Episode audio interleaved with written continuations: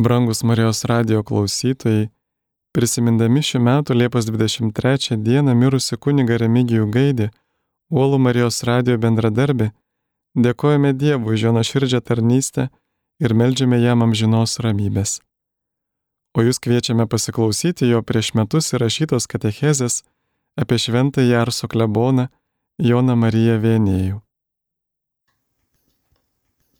Mėly Marijos radio klausytojai, kunigas Remigijus Gaidys, Šilavoto ir Plutiškių parapijų klebonas.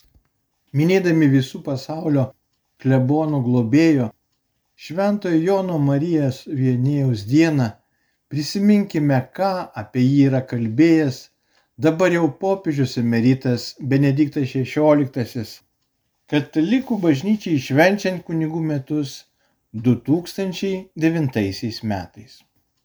Popiežius Benediktas XVI kreipėsi ne tik į kunigus, bet ir į visą Dievo tautą. Brangus broliai seserys, šiandieninėje katechezėje norėčiau glaustai apžvelgti Arso šventojo klebono gyvenimą, išryškindamas kai kurios bruožus kunigams galinčius būti pavyzdžių ir mūsų laikais kurie tiesa nuo anų laikų skiriasi, bet sėkiu daugeliu atžvilgių paženklinti tų pačių pamatinių žmogiškųjų bei dvasinių iššūkių. Kaip tik vakar sukako lygiai 150 metų nuo jo gimimo dangui. Užbaigęs savo žemišką egzistenciją, Jonas Marija Vienėjus 1859 metais rugpjūčio ketvirtosios rytą išėjo pas dangiškąjį tėvą paveldėti karalystės, nuo pasaulio sukūrimo skirtos tiems, kurie ištikimai laikosi jo mokymo. Kokia didelė šventė turėjo būti rojuje, pasirodžius tokiam uoliam ganytojui. Kokį sutikimą jam turėjo surinkti daugybė vaikų, kuriuos jis būdamas klebonas ir nuodėm klausys, sutaikino su tėvu.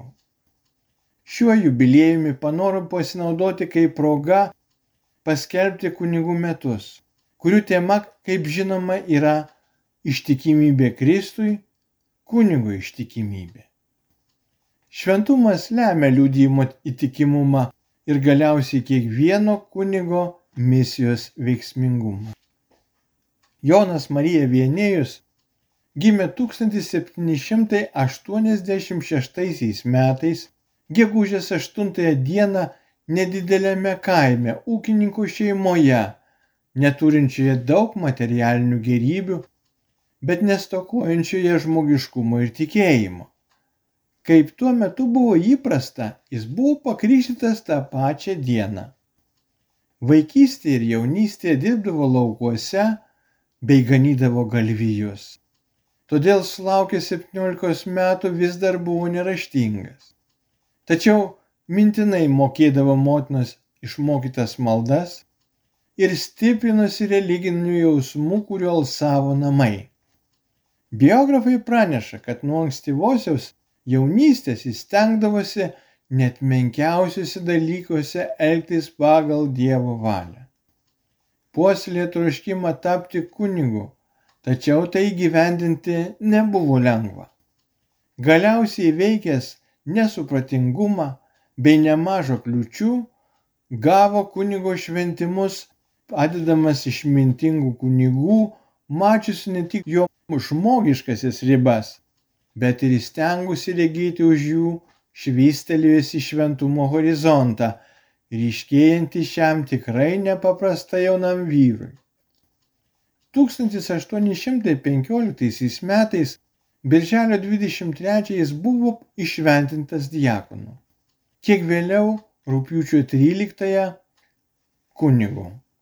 Sulaukęs 29 metų, po daugelių neiškumų, nesėkmių ir nemažai ašarų, vienijus galop galėjo užkopti prie viešpaties altoriaus ir įgyvendinti savo gyvenimo svajonę. Arso šventasis klebonas visada labai gerbė gautąją dovaną. Jis sakydavo, kokia yra didi kunigystė. Iki galo tai suprasime tik danguje. Jei suvoktume jau tai žemėje, numirtume ne iš baimės, bet iš meilės. Be to, būdamas vaikas, savo motinais pasakė, jei būčiau kunigas, norėčiau laimėti daugybę sielų. Taip ir įvyko. Kuklioje ir kartu nepaprastai vaisingoje pastoracijoje šiam nežinomam kunigui nuo šaliame pietų Prancūzijos kaimelėje pavyko taip įsijausti savo tarnybą, kad jame regimai ir visiems atpažįstamai išryškėjo altar Kristus, gerojo ganytojo, priešingai negu samdiniai guldančio už savo avis gyvybę paveikslas. Jo gyvenimas buvo gyvoji katechezė, kuri būdavo itin paveiki žmonėms matant, kaip jis aukoja šventasias mišes, adoruoja priešais tabernakulį ir daugybę valandų praleidžia klausykloje. Tad jo viso gyvenimo centrą sudarė Euharistija, kurią pamaldžiai ir pagarbiai švesdavo bei adoruodavo. Kita esminė šio nepaprasto kunigo savybė buvo uolus išpažinčių klausimas.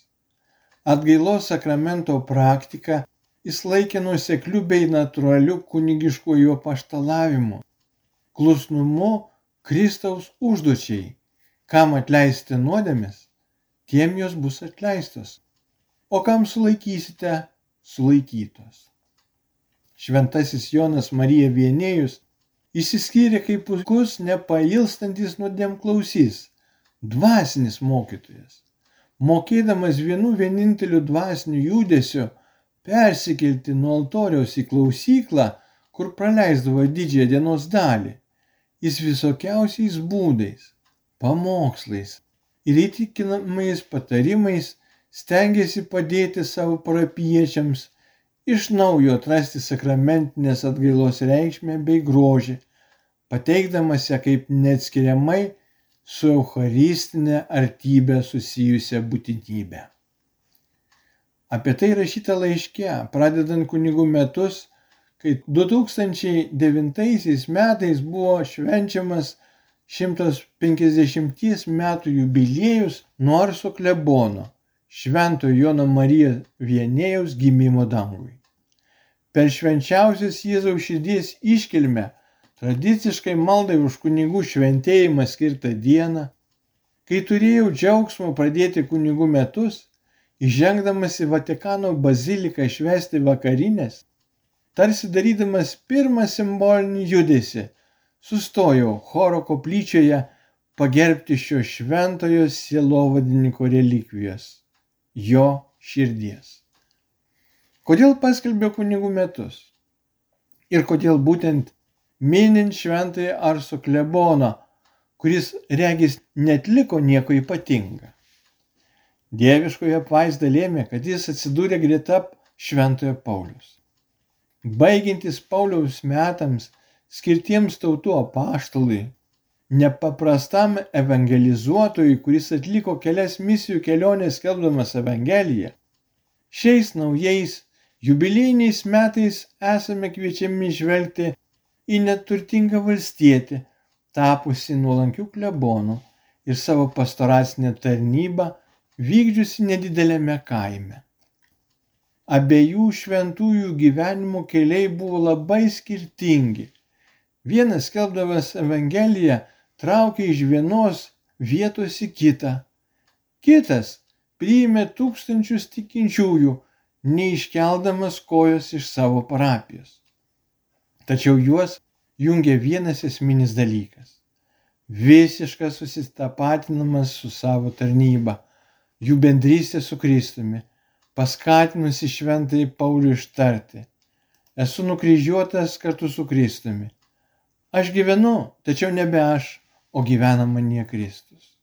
O šventasis Jonas Marija Vienėjus mėgo kartoti, jei tikėtume Dievą, kunigę regėtume kaip šviesą už stiklo, kaip vyną sumaišytą su vandeniu. Jums stengiuosi pabrėžti tai, kad šio nuolankaus altoriaus tarnautojų Arso klebono egzistencijoje labiausiai išiškėja visišką susitapatinimą su savo užduotimi. Jis mėgdavo sakyti, geras ganytojas, ganytojas pagal Dievo širdį yra didžiausias lobis, kokį gerasis Dievas gali duoti parapijai ir viena vertingiausių dieviško gailestingumo dovanų. Ir tarsi nepajėgdamas suvokti žmogui patikėtos dovanos ir užduoties, sudėjuodavo. O koks didis kunigas? Jei tik jis pats suprastų, kas jis yra, numirtų. Jam paklūsta Dievas. Jis ištarė du žodžius ir sulik jo balsu iš dangaus nužengė viešpas, užsidarydamas mažytėje ostijoje.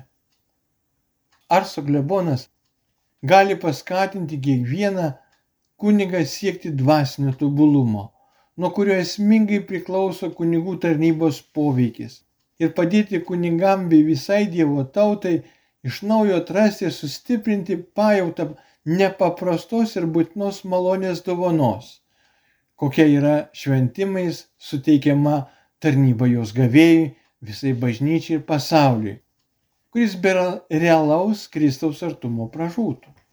Nebijotina, kad socialinės, istorinės aplinkybės nuo Arso klebono gyvenamojo laiko pasikeitė Todėl klausime, kaip tokiu susitapatinimu tarnybą galėtų sekti kunigai šiandieninėje globalizuotoje visuomenėje.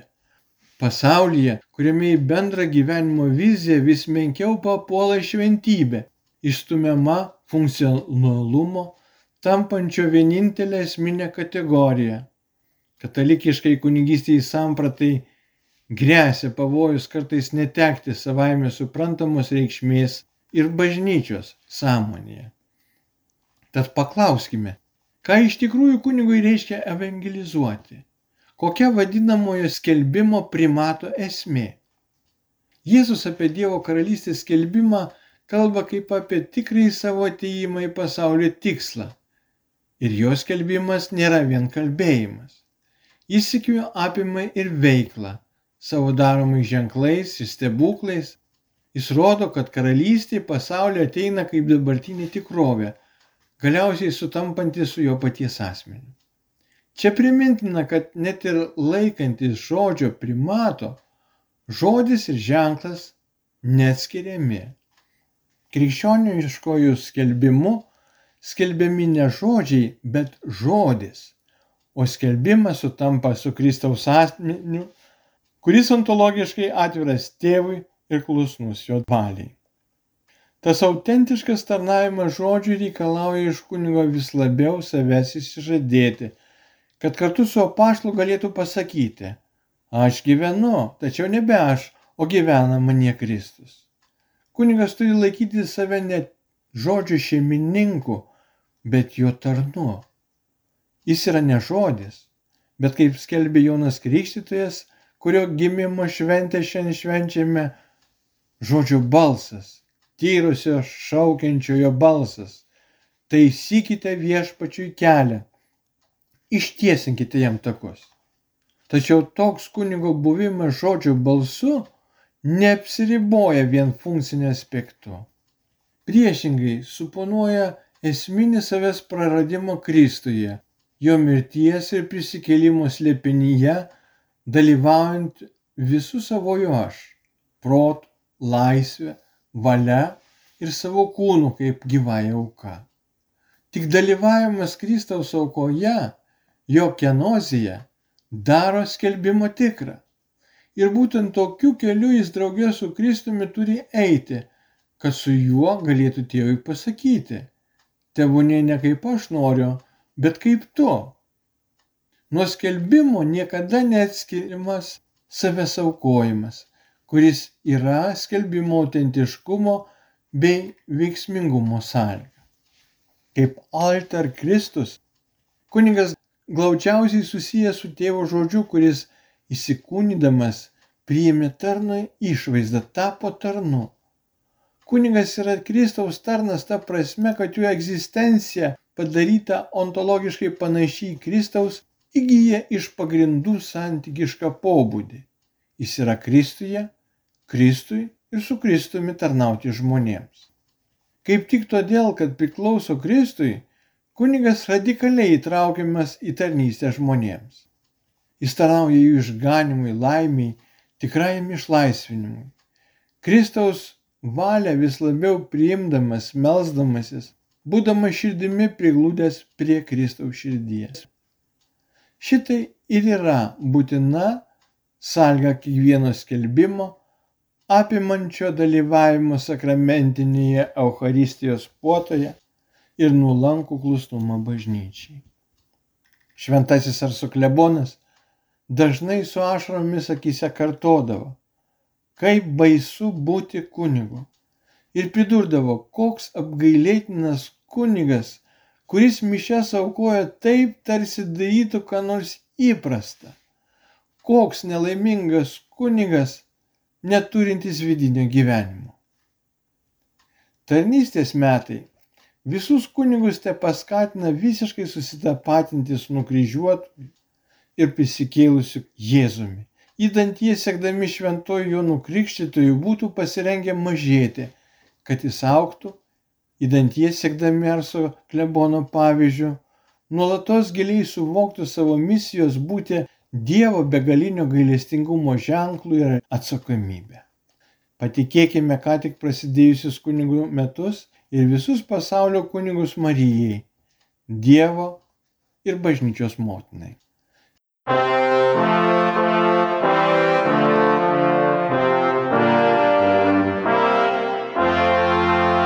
Čia Marijos radijas.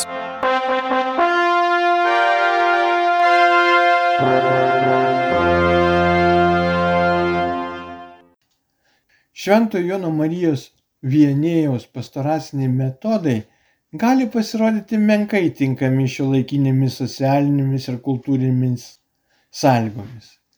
Kaip juos galėtų sekti šiandieninis kunigas taip pakitusiame pasaulyje? Tiesa, laikai keičiasi, o daugelis charizmų būna būdingas vienam asmeniui ir todėl nepakartojamos. Tačiau egzistuoja viena gyvensina, ir vienas pamatinis siekis, kuriuos puoselėti pašaukti esame visi. Tai sakramentų šventimas. Liturginio primato pavyzdys ir teisingas sakramentinės pastoracijos aiškinimas yra šventasis Jonas Marija Vienėjus, kuris vieną dieną žmogui, pasakiusiam, jog netiki ir nenori su juo diskutuoti, atsakė taip. Mano bičiuli, Jūs kreipitės ne į tą žmogų. Aš nemoku taip samprotauti. Tačiau jei norite pagodas, eikite ten. Ir pirštų parodė į neišvengiamą klausyklos laiptelį. Ir patikėkite, tęsė Arso klebonas, daug kas taip ir iki jūsų pasilgė ir dėl to nesigailėjo. Viešpas patikėjo kunigams didelę užduotį - būti jo žodžio tiesos, kuri gelbi šaukliais. Būti jo balsu pasaulyje nešant tai, kas tarnauja tikrai sielų geroviai ir autentiškam tikėjimo keliui. Šventasis Jonas Marijos vienėjus yra pavyzdys visiems kunigams. Jis buvo didelės išminties žmogus, didvyriškai gebėjęs atsispirti savo meto kultūriniam ir socialiniam spaudimui kad galėtų sielas vesti Dievo. Jo skelbimas išsiskyrė paprastumu, ištikimybė ir nuoširdumu. Jo tikėjimas ir šventumas skaidrumu.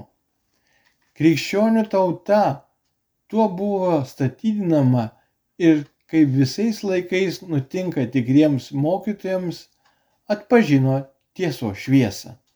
Galutinai atpažino tai, kas visada turi būti atpažįstama matant kunigą, gerojo ganytojo balsą. Ateičiau pažvelgus, Arso kleboną šventą padarė nuolanki ištikimybė užduočiai, kurie Dievas jį pašaukė. Tai, kad jis kupinas pasitikėjimo save nulatos patikėdavo Dievo apvaizdai. Žmonių širdis jis sujaudindavo ne savo žmogiškaisiais gebėjimais, ar remdamasis išskirtinai girtinomis valios pastangomis. Sielas ir neimliausias, jis užkariaudavo perteikdamas tai, kuo pats gyveno draugystę su Kristumi. Jonas Marija Vienėjus buvo įsimylėjęs Kristų, todėl tikra jo sėkmingos pastoracijos priežastis buvo meilė skelbiamam, švenčiamam ir išgyvenamam Eucharistijos slėpiniui, meilė Kristaus kaiminiai, krikščionėms ir visiems Dievo ieškantiems žmonėms. Jo liūdėjimas, brangus broliai ir seserys, primena mums, kad Eucharistija kiekvienam pakrikštytajam ir juolab kiekvienam kunigui nėra tiesiog vien vyksmas su dviem veikėjais, dialogas tarp Dievo ir manęs. Eucharistinė bendrystė taikosi iš pagrindų pakeisti asmens gyvenimą. Ji galingai atveria visą žmogaus aš ir sukuria naują mes. Malda yra pirmutinė pareiga, tikrasis kunigų šventėjimo kelias ir tikrosios pašaukimo pastoracijos siela. Tai, kad kai kuriuose šalyse išventinama kunigų nedaug, turėtų neskatinti nuleisti rankas, bet versti plėsti tylos ir žodžio klausimuose erdvės, geriau rūpintis dvasiniu vadovavimu ir išpažinties sakramentu. Įdant Dievo balsas niekada nenustojantis kviesti bei drąsinti, būtų daugybės jaunų žmonių išgirstas ir nori išklausytas. Kas meldžiasi, tas nebijo. Kas meldžiasi, tas niekada nėra vienas. Kas meldžiasi, tas bus išgelbėtojas. Malda grįsto gyvenimo pavyzdys tikrai yra šventasis Jonas Marija Vienėjus. Marija bažnyčios motina Padėk visiems kunigams sekti jo pavyzdžiu, kad jie būtų tokie Kristaus liudytojai ir Evangelijos apaštlai, koks buvo jis. Kunigystė yra Jėzaus širdies meilė, mėgo sakyti šventasis ar suklebonas. Šis jaudinantis pasakymas leidžia mums, kupiniems švelnumo bei dėkingumo, prisiminti, kokia neišmatuojama dovana kunigai yra ne tik bažnyčiai, bet ir visai žmonijai. Turiu galvoje visus kunigus, kurie kasdien nuolankiai siūlo krikščionims ir visam pasauliui Kristaus žodžius bei darbus, stengdamiesi savo mintimis, valia ir jausmais ir visa gyvensina būti tokie kaip jis. Užuot žvelgus į Švento Jono Mariją Vienėjaus asmenybę kaip į XIX amžiaus maldingo dvasingumo pavyzdį, nors ir patrauklų, būtina priešingai suvokti pranašišką jėgą, suteikiančią jo žmogiškai ir kunigiškai asmenybei didžiausio aktualumo. Porevoliucinėje Prancūzijoje, išgyvenusioje savotišką racionalizmo diktatūrą, siekusi išdildyti kunigų ir bažnyčios buvimo visuomenėje pėtsakus, iš pradžių jaunystės metais savo tikėjimu jis gyveno slapčia naktį sukardamas ne vieną kilometrą, kad galėtų dalyvauti šventose mišiuose. Tapęs kunigu, vienėjus įsiskyrė ypatingų ir vaisingų pastoracinių kūrybiškumu, gebančių parodyti, kad anuomet vyravęs racionalizmas iš tiesų toli gražu nepajėgė patenkinti tikrųjų žmogaus poreikių ir todėl galiausiai yra negyvastingas brangus broliai seserys. Prabėgus 150 metų nuo Arso šventojo klebono mirties, visuomenės iššūkiai neką menkesni. Maža to, galbūt tapo net dar daugelį pešiesni. Anuomet vyravo racionalizmo diktatūra. Šiandien daugelės ryčių pastebima relativizmo diktatūra. Abi atmainos nėra tinkamas atsakas į teisėtą žmogaus reikalavimą pilnatviškai naudoti savo protu kaip skiriamuoju ir esminiu savo tapatybės elementu. Racionalizmas netiko, nes nepaisė žmogiškų ribų. Jis reikalavo išaukštinti protą iki visų dalykų mato, tai paversdamas į Dievo. Šiuolaikiškas relativizmas protą nužemina, nes galiausiai iš tikrųjų teigia, kad žmogus už konkrečios mokslo srities negali pažinti nieko kito. Tačiau šiandien, kaip ir anuomet, žmogus geidžia prasmės ir pilnatvės, be paliovos ieško išsamių atsakymų į pagrindinius klausimus, kurios nepaliauja kėlęs. Vatikano antrojo susirinkimo tėvai aiškiai suvokė šį kiekvieno žmogaus širdyje gyvą tiesos alkį, pareikšdami, kad kunigai kaip tikėjimo augdytojai turi kurti tikrai krikščionišką bendruomenę, gebančią visiems žmonėms renkti kelią į Kristų ir tikrai motiniškai mylėti. Netikintiesiems rodydama bei tiesdama kelią į Kristų, o tikinčiuosius skatindama, stiprindama ir rengdama dvasiniai kovai. Iš kur kunigas šiandien galėtų semtis jėgų vykdyti savo tarnybą ištikimybės Kristui ir bažnyčiai bei visiško atsidavimo savo kaiminiai dvasiai? Atsakymas tik vienas - iš Kristaus, viešpaties. Jėzus valdo ne viešpataudamas, bet kukliai ir kupinas meilės tarnaudamas, mazgodamas kojas o Kristaus karališkoji valdžia visatoje nėra žemiškas triumfas. Jos viršūnė kryžiaus medis, virtęs pasaulio teismu ir atramos taškų vykdyti valdžiai, kurios tikroji išaiška yra pastoracinė meilė. Šventieji, tarp jų ir šventasis Jonas Marija Vienėjus, su meilė ir pasiaukojimo imdavosi užduoties rūpintis jiems patikėta Dievo tautos dalimi ir pasirodė esą tvirti ir ištingi vyrai, puoselėjantis vienintelį tikslą skatinti tikrąją sielų gerovę, gebantis apmokėti savo asmenį iki pat konkinystės, kad liktų ištikimi Evangelijos tiesai ir teisingumui. Mokymas, kurį šiuo atžvilgiu mums ir toliau perteikė šventasis Arso klebonas, yra tai, kad kunigas savo pastoracinę užduotį turi grįsti kasdien puoselėtina bei didintina artimą asmeninę vienybę su Kristumi. Tik įsimylėjęs Kristų kunigas galės pamokyti visus šios vienybės, šios artimos draugystės su dieviškųjų mokytojų ir sujaudinti bei gailestingai viešpaties meiliai atverti žmonių širdis. Tikrai taip įsistengs jam patikėtose bendruomenėse įlieti užsidėgymo ir dvasinės gyvybės.